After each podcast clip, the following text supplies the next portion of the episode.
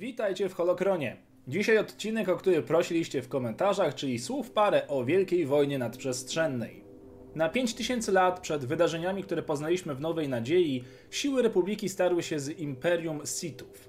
Wydarzenie to zostało później nazwane właśnie Wielką Wojną Nadprzestrzenną.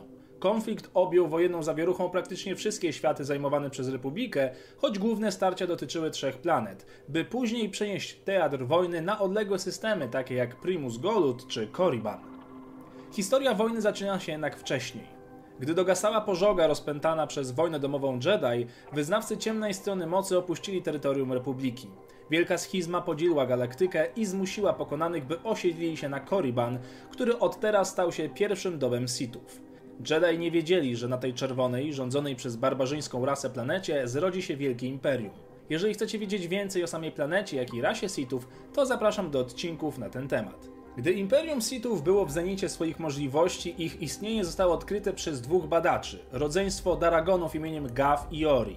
Ich podróże polegały na losowych skokach w nadprzestrzeni i szukania nowych szlaków, światów i wszystkiego co nieznane. Pasja ta graniczyła samobójstwem, bo skakanie w nieznane rejony mogło skończyć się z łatwością wleceniem np. w cień grawitacyjny planety, ale Daragonowie mieli nerwy ze stali, albo byli szaleni.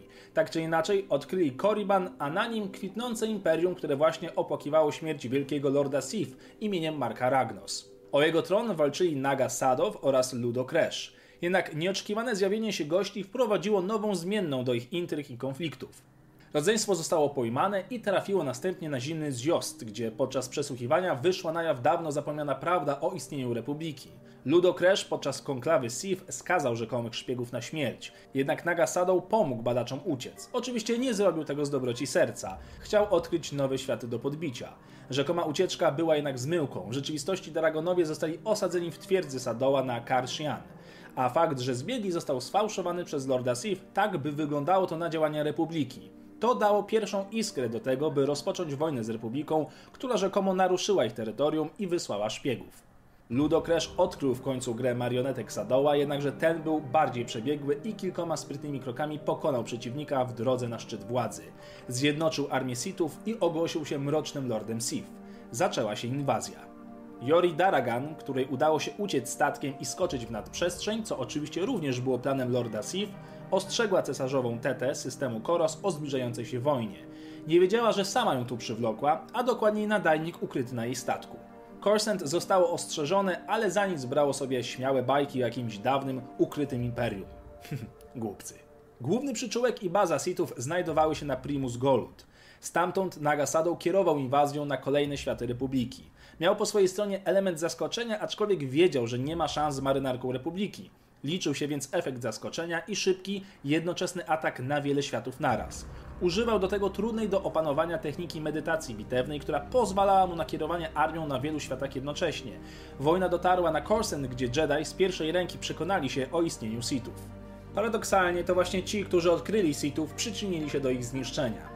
Gav Daragon zaatakował Lorda Sith podczas jego medytacji, rozpraszając jego uwagę, co pozwoliło się Republiki przejąć ster wojny. W dodatku upadła iluzja, którą Nagasadow stworzył, by jego armia wydawała się być kilka razy większa. Republika odkryła, że Wielkie Imperium Sithów jest właściwie garstką statków. Zagłada Sithów przyszła szybko i bezlitośnie. Nagasadow salwował się ucieczką na Primus Golut, tutaj jednak również został odnaleziony.